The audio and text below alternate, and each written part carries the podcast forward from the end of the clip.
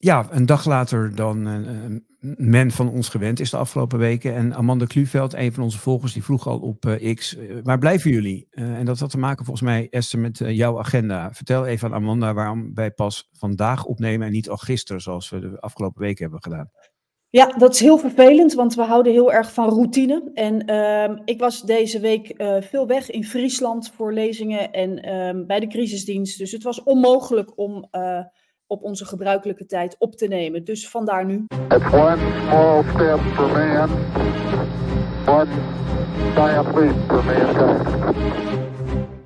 Dit is de X-Factor, de wekelijkse top 5 van meest nieuwswaardige, opvallende, spraakmakende, slimme of minder geslaagde meningen op X.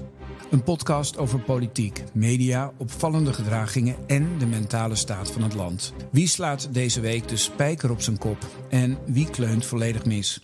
De X-Factor, de podcast waar de makers het talent hebben om het kaf van het koren te scheiden en daarbij zelf jury zijn.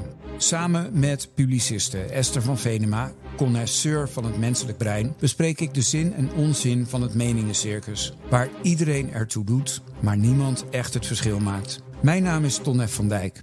Welkom bij de X-Factor. 5, 4, 3, 2, 1, 0. All engine running. Liftoff. We have a liftoff. Ja, en uh, we beginnen zoals altijd met het persoonlijk feit. Ik heb hier voor mij een uh, tweet van uh, Nick Muller. Hij heeft uh, 5424 volgers. En um, ja, ik zal hem maar gewoon even voorlezen en dan gaan we het daarna wel even over hebben waar dit over gaat. Beloof me, kind, als ik van hier verdwijn, treur niet om mij. Straks bloeit weer de jasmijn en geurt de kamperfoelie. Erger zou het wezen als zij verdwenen waren en ik er nog zou zijn. Dries van 8, 1931, 2024. Hij is uh, overleden en uh, hij is heel oud geworden, 94 jaar. En um, er was nog een tweet die mij ook wel raakte eigenlijk. En uh, die zou ik ook even willen voorlezen voordat we over hem misschien nog wat kunnen zeggen. Um, dat is van Pim van den Dol. En uh, hij schrijft: Van Acht stierf samen en hand in hand met zijn geliefde echtgenote Eugenie van Acht Krekelberg. De steun en toeverlaat met wie hij meer dan 70 jaar samen was. En dat citeert hij uit The Rights Forum. Ja, ik vind dat, ik vind dat wel heel indrukwekkend dat je zo'n lang leven samen deelt. Uh, en dan ook hand in hand mag sterven. Het is natuurlijk een uh, premier, zeg maar, die uh, dateert uit de tijd dat ik politiek bewust werd. Hè. hij is 1977 premier geworden na Joop den Uyl. Um, dat was eigenlijk mijn eerste grote kennismaking met de politiek. En zijn opvolger en ook zijn rivaal, dat was Dries van Acht. En die was premier voor het CDA, ook de eerste CDA-premier van Nederland. Um, van 1977 tot 1982. En uh, het was een hele opmerkelijke man met een heel uh, ja, rijk taalgebruik.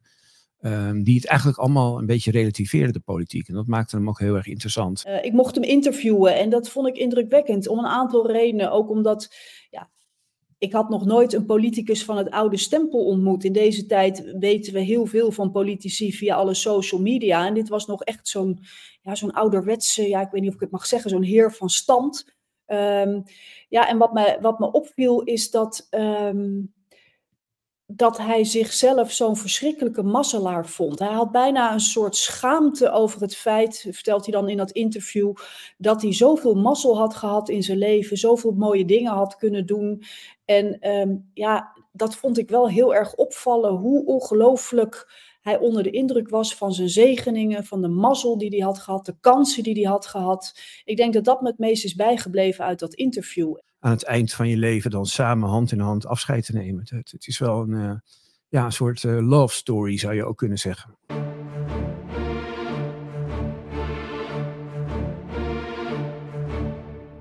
Roos Vonk, zij heeft uh, eh, 27.600 volgers en ze zegt er is zo verschrikkelijk veel dierenleed. En dan ga je je druk maken om draaimolens. Het is voor dierenbeschermers al zo moeilijk om serieus genomen te worden. Dit lijkt wel een campagne om te bereiken dat het nog moeilijker wordt. En dan zo'n gezichtje erachter dat heel erg boos kijkt. Ja, uh, Esther, waar, waar kijken we hier naar? Waar gaat dit over?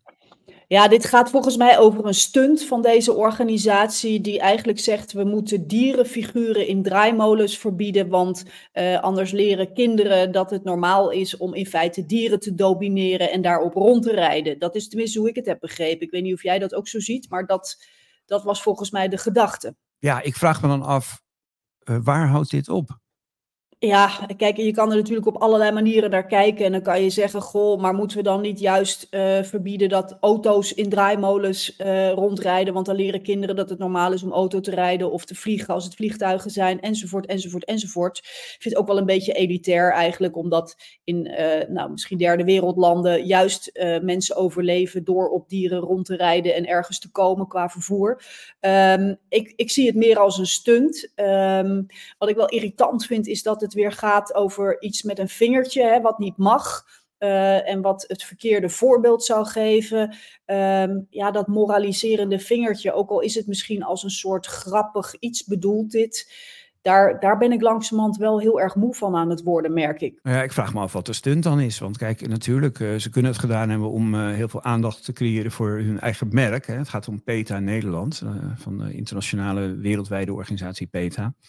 Uh, maar um, ja, het lijkt mij dat het juist de zaak heel erg veel uh, kwaad doet. En dat is ook wat Roos Vonk, uh, hoogleraar in de psychologie, in deze expo zegt. Zij zegt van ja, kun je, had je daar niks beters kunnen bedenken, want we hebben het al zo moeilijk. En Roos Vonk is echt een enorme uh, dierenliefhebber en ook een activist ja. op, dat, op dat punt. die zich daar heel druk over maakt, het leed van dieren. En terecht. En ja, is werkt, dit niet, werkt dit niet averechts dan? Vraagt zij zich af. En ik denk eerlijk gezegd dat ze daar wel gelijk in heeft. Ja, precies. En de vraag is natuurlijk hoe ver we inderdaad daarin moeten gaan. En wanneer het op een gegeven moment gewoon klaar is met dit vind ik nou echt een vorm van betuttelen. Hè? Uh, er was al gezeik over, pardon, er was ophef over de Nootmuskaatstraat. Uh, dat dat ook allerlei associaties oproept die uh, incorrect zouden kunnen zijn met koloniaal verleden en specerijen enzovoort.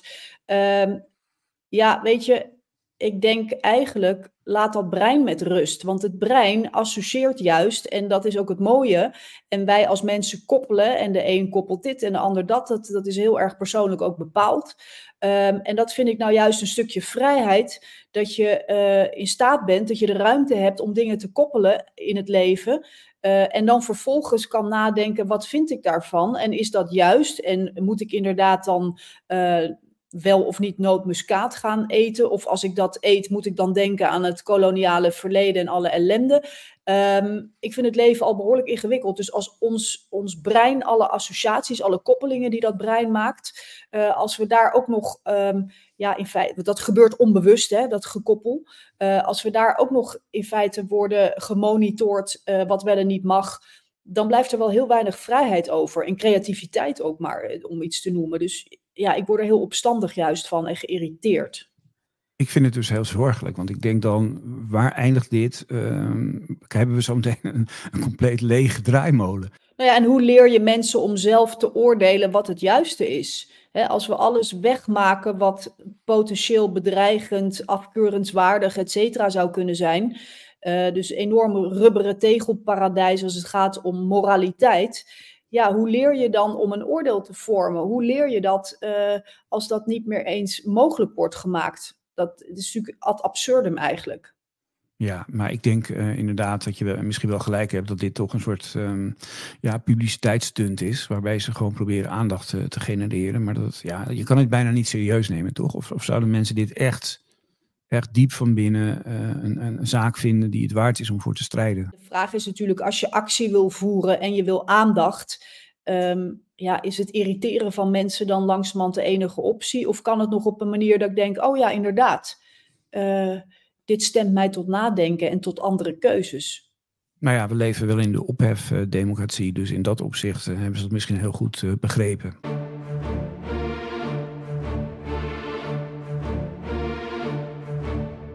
Remco Teulings. Hij heeft uh, 87, 43, 8743 volgers en hij uh, schrijft het volgende.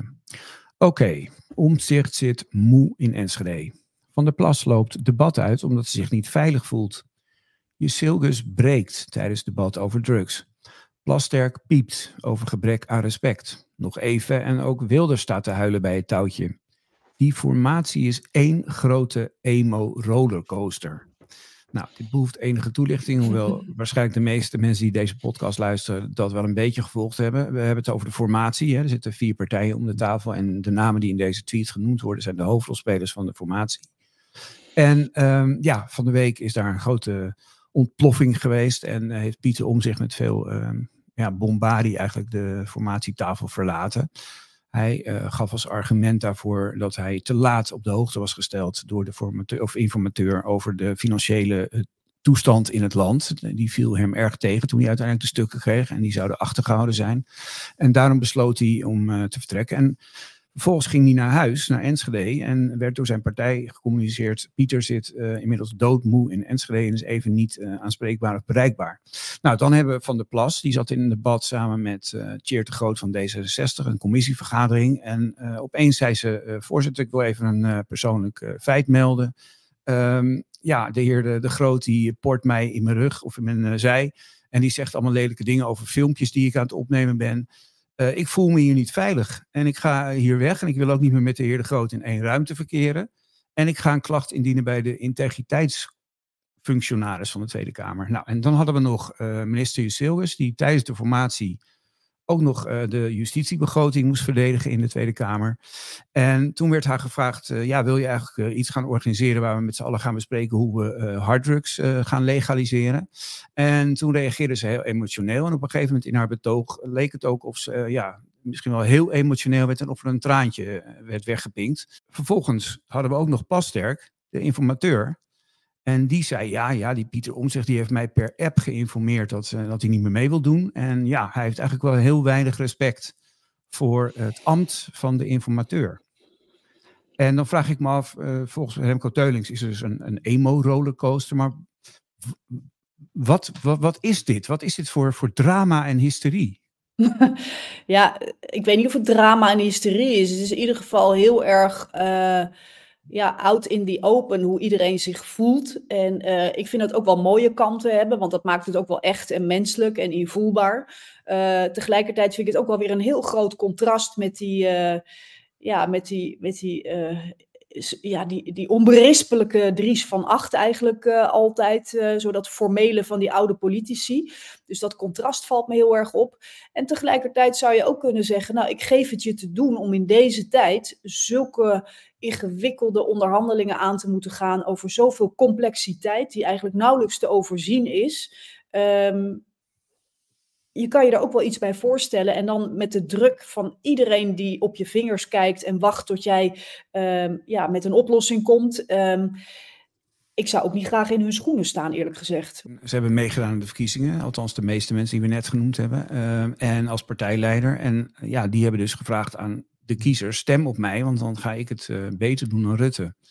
En uh, als ze dan zitten te formeren, dan moeten ze toch vooral denken aan het landsbelang en niet uh, aan hun eigen emoties of hun eigen gekrenktheid misschien in een bepaalde situatie. En vanuit dat perspectief gaan reageren. Dus ik vind dat je van deze politici mag verwachten um, dat ze um, ja, respectvol met elkaar omgaan. En dat ze um, niet hun eigen belang of hun eigen emoties laten prevaleren boven misschien het belang van het totaal. Want ze weten ook Volgende week moeten we met elkaar verder. En uh, ik vond Silgus eerlijk gezegd nog het minst uh, verwijtbaar in dit hele verhaal. Uh, omdat ja, die liet gewoon een beetje emoties zien in dat debat. Maar dat was op zich ja, niet gericht tegen iemand per specifiek. Of, hè, dus dat vond ik op zich prima.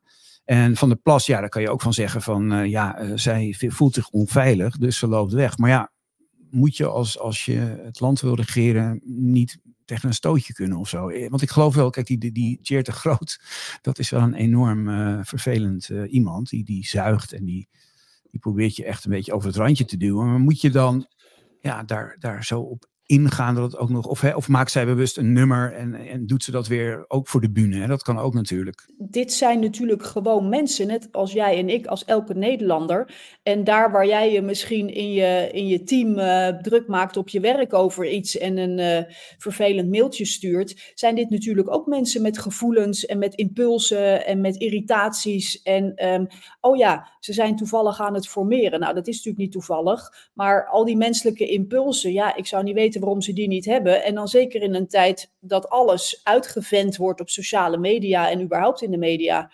Ja, ik vraag me af of er een alternatief is. maar is het ook niet gewoon de industrialisering van de samenleving en het feit dat ieder individu nu eh, vooral bezig is met uh, zijn, zijn, eigen ruimte, zijn rechten, uh, in plaats van zeg maar een soort Calvinistische opdracht waarbij je ook een beetje moet lijden onder de situatie om ergens te komen.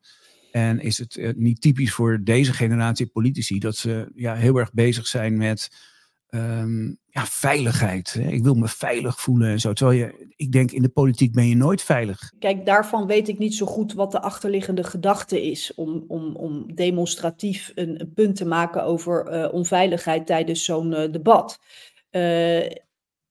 Ik ben dan benieuwd of je je dan echt onveilig voelt. Of dat je dat eigenlijk doet om iemand uh, ja, daarmee toch gewoon publiekelijk tot de orde te roepen.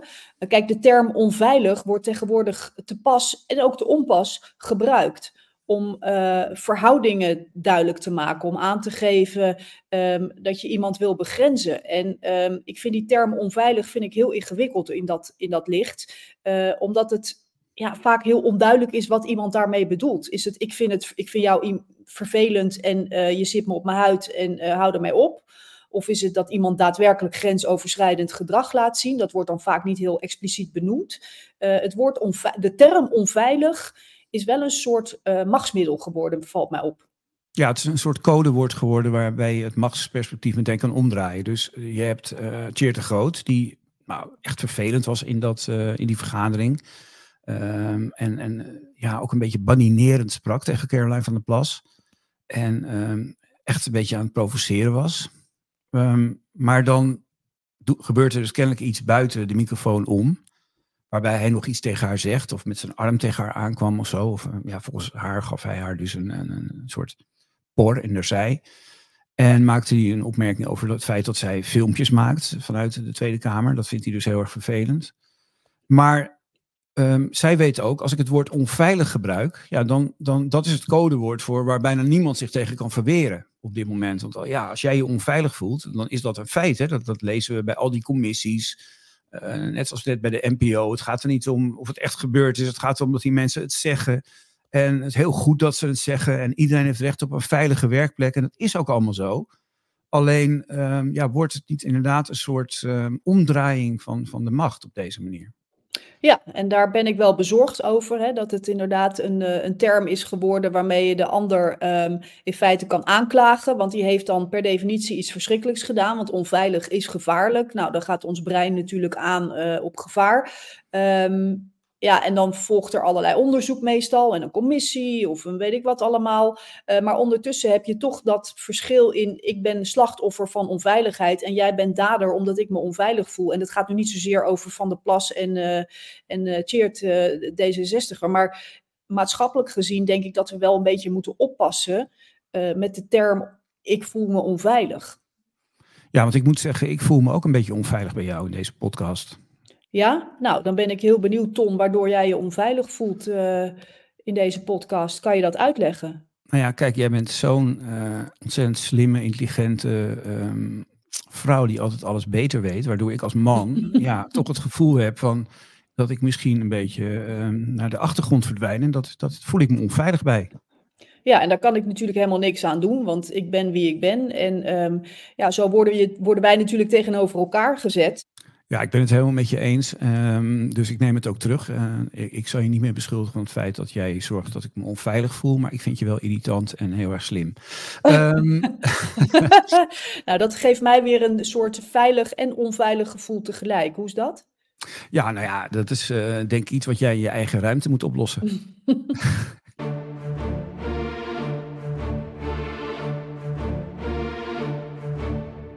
Mies B. Zij heeft uh, 5417 volgers en zij schrijft het volgende. Toch weer blij met de hyena's van Story, al was het maar om de styling van Matthijs.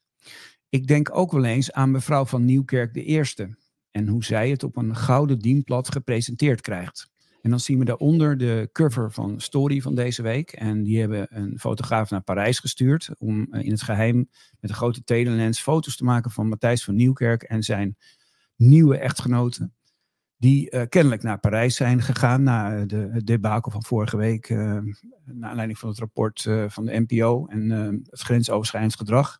En de beschuldigingen dat Matthijs zich niet alleen ja, verbaal grensoverschrijdend gedrag heeft, maar ook de beschuldiging die na het rapport werd geuit, um, dat hij ook fysiek grensoverschrijdend gedrag heeft vertoond, wat natuurlijk ook heel ernstig is en wat we dan nog niet wisten. En kennelijk is Matthijs naar Parijs gegaan. Dus je zag een foto van Matthijs met een hoedje op, zoals we hem kennen. En je zag hem bij zijn Porsche staan. En um, nou, het was allemaal heel suspense, zag dat eruit. Het was allemaal met telelensen gemaakt. En uh, Mies B., um, een, een Twitter-influencer, bekende Twitteraarster, zoals ze door de mediacourant vaak genoemd wordt.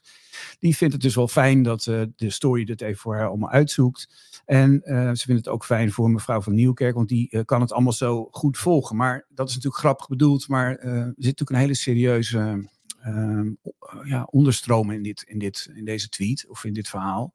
Namelijk, hoe kan het dat Matthijs, terwijl dat rapport zegt, we zien geen noodzaak om dingen verder te gaan uitzoeken, geen persoonsgericht onderzoek te doen. Daar was van tevoren over nagedacht. Als er aanwijzingen zouden zijn dat er iets mis was, met personen, dat ze iets zouden hebben gedaan wat echt niet kan, dan gaan we persoonsgericht onderzoek doen. Er was ook een speciaal bureau voor ingehuurd met een recherchevergunning. Nou, die tweede fase is nooit ingegaan. Dus Martin van Rijn heeft gezegd: nee, we hebben alleen maar eh, het systeem bekeken en we hebben geen aanwijzingen gevonden dat individuele mensen strafbare feiten hebben gepleegd. En aan het eind van het liedje is het toch zo dat Matthijs nu in Parijs zit, omdat hij daar waarschijnlijk zich anoniemer voelt en uh, even weg wil uit Nederland, omdat hij zich hier niet meer kan vertonen. Dus wat gebeurt daar? De kwestie NPO en de kwestie Matthijs van Nieuwkerk, die, die houdt ons natuurlijk al heel lang bezig. Uh, we hebben natuurlijk ook wel eens eerder met elkaar gepraat over het feit dat, um, ja, dat er toch mensenlevens geruineerd worden um, door allerlei verdachtmakingen, trial by media. Um, en de disclaimer dat het heel erg is als mensen zich uh, naar behandeld hebben gevoeld of naar behandeld zijn door Matthijs van Nieuwkerk, die maak ik bij deze. Dat is verschrikkelijk. Maar tegelijkertijd denk ik dat het ook wel goed is om eens te kijken hoe wij omgaan met dit soort, uh, met dit soort rellen. En als je kijkt naar het perspectief van Matthijs van Nieuwkerk, uh, waarvan we weten dat het ook een mens is, dan is het toch wel tragisch dat zo'n leven gewoon volstrekt down the drain wordt gehaald of gaat. Uh, en dat iemand in feite moet vluchten naar Parijs omdat hij zich hier niet meer kan vertonen. En dan zullen heel veel mensen zeggen, ja, maar ja, als je weet wat hij gedaan heeft, dan verdient hij dat. En uh, nou ja, met Thijs Reumer zelfde verhaal. Alleen ik vind dat we toch behoorlijk onzorgvuldig zijn, dat we eigenlijk, um, ja, iemand veroordelen op een manier die echt desastreus is. Ik weet nog uit het hashtag MeToo-tijdperk, waarbij dat ook uh, helemaal losging. Uh, zonder nou, tussenkomst van rechtspraak soms. Dat mensen, zeker in die begintijd, gewoon finaal werden afgemaakt in de media. Um, dat er ook een dirigent was in Zweden um, die zich gesuicideerd heeft omdat hij ja, zijn hele carrière was eigenlijk kapot gemaakt door die beschuldigingen die achteraf notabene niet bleken te kloppen een beetje misschien advocaat van de duivel, want ik ben het in beginsel heel erg met je eens. Alleen, um, kijk, dit is natuurlijk gebeurd door een interview wat Suzanne Kunstler, de directeur van BNN Vara, heeft gegeven. En waarin zij heeft gezegd, uh, toen haar werd gevraagd van, uh, ja, in het rapport worden ook uh, fysiek grensoverschrijdende handelingen beschreven, zoals bijvoorbeeld het bij de keel grijpen van iemand. Nou ja, dat is, dat is ja, een vorm van mishandeling, of misschien zelfs als je iemand echt bij de keel knijpt, nog wel verder. Tuurlijk. Um, vrij ernstig. Um, ja, zij heeft 120 gesprekken gevoerd met mensen en zij krijgt die vraag in een interview. En um, ik kan me ook wel weer voorstellen dat zij dan zegt, ja, ja dat, dat is inderdaad gezegd. En uh, in het rapport werd niemand genoemd, alleen de presentator. Ja, en toen zei zij, ja, er was niemand anders bij het programma waar ik dat soort klachten over heb gehad. Want, en toen ging het dus over de presentator Lees Matthijs. Kijk, en dat vind ik ook wel weer het probleem van zo'n rapport juist door niemand te benoemen, maak je iedereen verdacht. Dus, ja. dus dat, zij op, dat zij op dat moment dacht van ja, ik moet daar nu toch duidelijkheid over geven. Dat het niet andere mensen zijn bij het programma die, die daarvan beschuldigd zijn, maar alleen deze persoon, snap ik ook wel weer. Ja, dus omdat zij de andere mensen wil beschermen tegen die eventuele beschuldigingen, wordt het duidelijk in dat gesprek dat Matthijs de enige is die dat heeft gedaan. En doordat Matthijs daarvan wordt beschuldigd, hij is nog niet veroordeeld, wordt hij veroordeeld. Ja, en ik probeer me altijd voor te stellen, stel dat het over mij zou gaan. Uh, nou, dan zou ik toch behoorlijk van balen als ik in zo'n situatie kwam. En Matthijs ontkent het, voor alle duidelijkheid. Uh, nou ja, hij heeft ook rechten als, als, eh, als verdachte tussen aanhalingstekens. Uh, wat al een belachelijk woord is natuurlijk als er geen strafrechtelijke context is. En als, als een commissie heel zorgvuldig is en zegt... nee, wij hebben dat niet vastgesteld, dus gaan we daar ook geen onderzoek naar doen dan is het natuurlijk wel raar toch dat dat, dat, dat vervolgens wel de dominante discussie wordt. Het is echt vreselijk en um, ja, ik, ik denk ook dat we moeten oppassen dat we niet in een soort primitieve uh, dynamiek terechtkomen waarbij anonieme bronnen iemand beschuldigen. Um, dat betekent nogmaals dat je door de media al veroordeeld bent. Um, ja, hoe moet je je ooit weer rehabiliteren? Hè? Hij zou bij RTL aan de slag gaan. Dat gaat om deze reden niet door. Kijk, als iemand zich schuldig maakt aan dat soort strafbare feiten, kan ik me voorstellen dat het niet een verstandig idee is om weer in zo'n positie terug te komen. Maar het is allemaal zo shaky hoe dit is vastgesteld op dit moment. Dat ja, ik vind dat heel ingewikkeld hoor. Uh, toen kwam er een fragment voor mij deze week van zijn eigen programma De Wereld Uit Door. En Rob Oudkerk. En Rob Oudkerk wilde uh, toen in die tijd uh, burgemeester van Amsterdam worden. Hij twijfelde over de vraag of hij zich zou kandideren. En toen ging Matthijs er heel erg hard in. Die zei, ja maar Rob, jij bent naar de hoeren geweest. Aan de Theemsweg. Dus jij kan nooit meer burgemeester van Amsterdam worden. Nou, en wat dacht je toen? Toen dacht ik, ja, je hebt er zelf aan meegedaan en nu zit je aan de andere kant van de stok.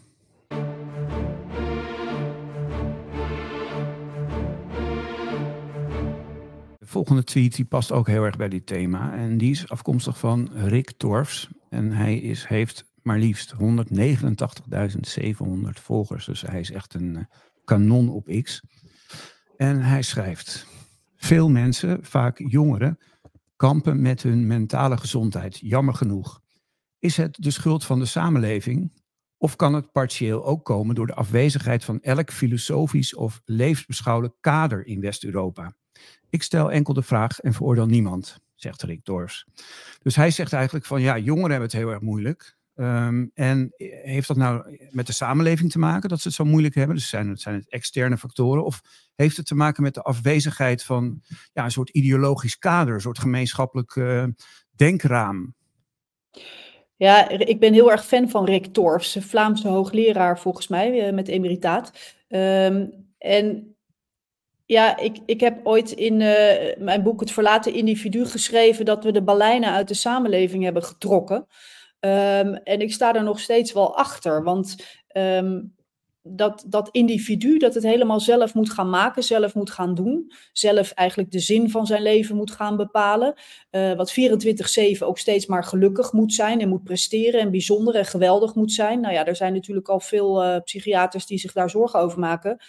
Um, ja, die is natuurlijk ook op een bepaalde manier totaal radeloos en, en verlaten en, en op zoek naar, ja, naar wat eigenlijk. Ja, dus in, in een samenleving waar je in toenemende mate uh, als individu je manifesteert, hebben we eigenlijk behoefte aan een wat groter verhaal, waardoor ook weer duidelijk wordt waarom we bij elkaar horen en waarom je er bent en waarom, hoe je je tot elkaar verhoudt. Nou ja, 100% individu moeten zijn is in feite gewoon ongelooflijk eenzaam. Hè? Want dan kan je per definitie je niet verbinden met de ander, want jij moet de hele tijd dat individu zijn. Uh, eh, 100%. Je kan je niet verbinden met een hoger doel, want uh, ja, daar moet je toch soms een stukje voor opofferen. Uh, en dat zijn natuurlijk allemaal zaken die we hebben verleerd in die ja, misschien wel drieste zoektocht naar dat individu dat dan helemaal in zijn eentje komt te staan en autonoom moet zijn. En ik denk dat we als, als diersoort daar helemaal niet goed in zijn. En dat we juist als soort, als mens, uh, enorm sociale wezens zijn die moeten verbinden met de anderen en daar een bepaalde rol en een positie hebben in een, in een tribe, in een collectief. Uh, en met elkaar verhalen delen waarvan ik altijd zeg, daar wil je letterlijk uh, voor leven en figuurlijk voor sterven. Ja, en als je allemaal in je eentje dat wiel moet gaan uitvinden, ja, good luck. Ja, en jongeren krijgen ook de boodschap mee natuurlijk van uh, alles is maakbaar. Hè? Je kunt worden wat je wilt. Je, als je het maar hard genoeg wilt, dan kun je het gewoon allemaal realiseren. En ze zijn ook opgegroeid natuurlijk in een tijd waarin hun ouders het ook goed hadden, over het algemeen gemiddeld genomen. Dus uh, ja, er was veel materieel welzijn. En als je dan ook nog te horen krijgt van ja, alles wat je kan, kan je bereiken. En um, als je maar gewoon je best doet. En ja, dan, dan kom je boven de twintig en dan ga je merken, hé, hey, er gaan misschien toch wel eens wat dingen mis. En, nou dan, dan heb je eigenlijk geen gereedschapskist om daarmee om te gaan. Is dat wat je zegt? Nou, het is een complex fenomeen. Hè. Het heeft inderdaad te maken met die maakbaarheidsgedachte. Hè. Dat uh, als je maar wil, dan uh, kan je vreselijk succesvol zijn. Nou, dat is een aperte leugen. Want niet iedereen is in staat om het te maken in het leven. Er zijn mensen die gewoon kwetsbaar zijn en voor wie dat niet lukt. Daar is weinig ruimte voor in onze ideologie. Uh, want daarin moet iedereen succesvol zijn. En wat je ook noemt, en waar, wat ik ook wel herken, is dat uh, veel jongeren zijn opgegroeid door ouders die vooral hebben gezorgd om alles wat naar en vervelend is weg te houden uit het leven van die kinderen, omdat dat blijkbaar kon. Uh, waardoor die weerbaarheid, wat ook wel een belangrijk thema is in deze aflevering, die weerbaarheid gewoon onvoldoende is. En dan kom je in het grote mensenleven terecht en dan maak je dingen mee die niet leuk zijn. Dan ervaar je gevoelens die je niet goed kent, omdat ze zo ongelooflijk moeilijk zijn. En omdat je niet hebt geleerd om die in de veilige context van een gezin bijvoorbeeld, om die te leren verdragen ja, en als je dan voor het eerst inderdaad meemaakt dat er een uh, vriendje is of vriendinnetje die het uitmaakt. En je bent gevoelig voor somberheid of voor angstklachten of andere psychische klachten. Ja, dan weet je niet wat je overkomt.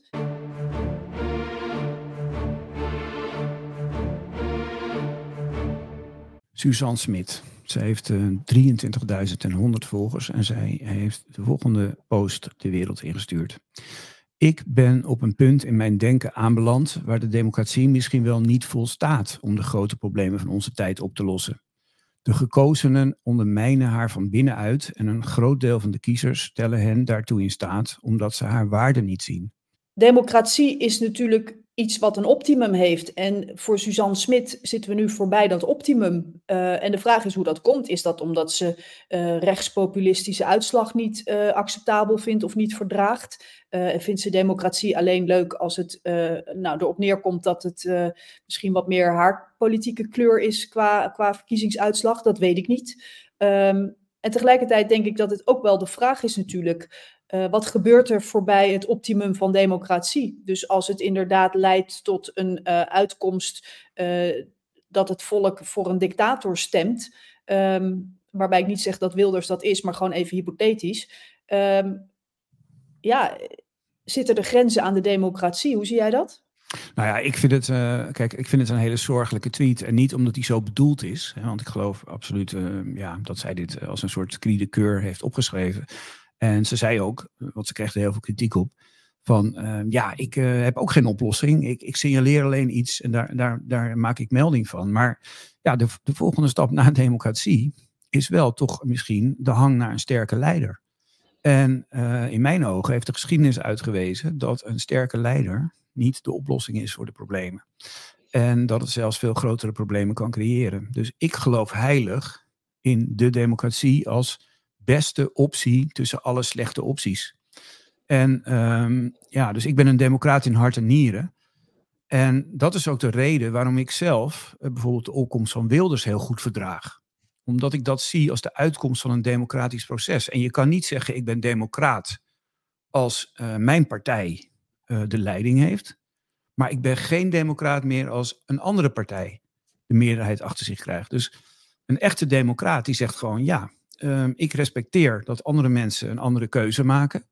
En binnen de, de democratie verweer ik me daartegen en verdedig ik mijn standpunten, maar ik accepteer het wel en ik respecteer het ook. En als je zo denkt, ja, dan kun je ultiem dus ook tot de conclusie komen dat formeren met Wilders ook een legitieme activiteit is. En dat als hij de grootste partij is, en wij hebben in Nederland een systeem waarin de grootste partij de premier levert, dat de ultieme consequentie van onze democratie is dat Wilders ook premier van Nederland kan worden. Er zijn natuurlijk problemen zoals misschien wel de klimaatcrisis, waarbij je kan afvragen of je dat democratisch kan oplossen. Uh, of dat daar veel meer uh, nou ja, vanuit één perspectief een beleid moet komen, wat natuurlijk uh, heel veel mensen afschuwelijk vinden. Uh, maar sommige problemen zijn misschien niet goed democratisch op te lossen. Ja, en het probleem is, als we dat experiment aangaan en we zeggen, nou laten we maar eens voorbij de democratie gaan, um, dan zou het wel eens kunnen dat je erachter komt um, dat dat dan heel verkeerd uitpakt, maar dan is het te laat. Dus um, ik ben er toch voor om binnen democratische kaders uh, al onze problemen op te lossen en elkaar te blijven overtuigen en dat pleidooi waar we het net al over hadden, voor weer een soort samenhang, uh, visie en ideologie, uh, hoffelijkheid, vormelijkheid, om dat weer een beetje te herstellen, zodat we wat minder ehm, onzeker zijn over hoe we met elkaar omgaan en waar we staan. En dat het allemaal wat voorspelbaarder wordt. Want ik denk als, als er emotionele rust weer een beetje terugkomt, dan is het ook makkelijker om die grote problemen te adresseren. Ik ben het heel erg met je eens en ik denk dat, dat uh, de democratie, de rechtspraak, wetenschap, dat dat onder andere pijlers zijn van onze beschaving. En ik denk dat we die niet genoeg kunnen koesteren. En ja, je mag je er af en toe heel erg over opwinden of het er niet mee eens zijn. Maar ik denk dat we het daar met elkaar wel over eens moeten zijn. Dat we, dat we daar heel voorzichtig en zorgvuldig mee om moeten blijven gaan. Mooi pleidooi aan het einde van deze vierde aflevering van onze podcast, de X-Factor. Um, leuk dat jullie allemaal geluisterd hebben weer. Um, er zijn steeds meer mensen die ons gaan volgen. Dus uh, mocht je hebben geluisterd en ons nog niet volgen, doe dat even. Want dat helpt ons ook weer in de algoritmes van Spotify en Apple Podcasts. En um, ja, we hopen jullie de volgende keer weer uh, te ontmoeten uh, in deze podcast. En hopelijk is dat dan volgende week donderdag. Zeker, Tom. Komt goed.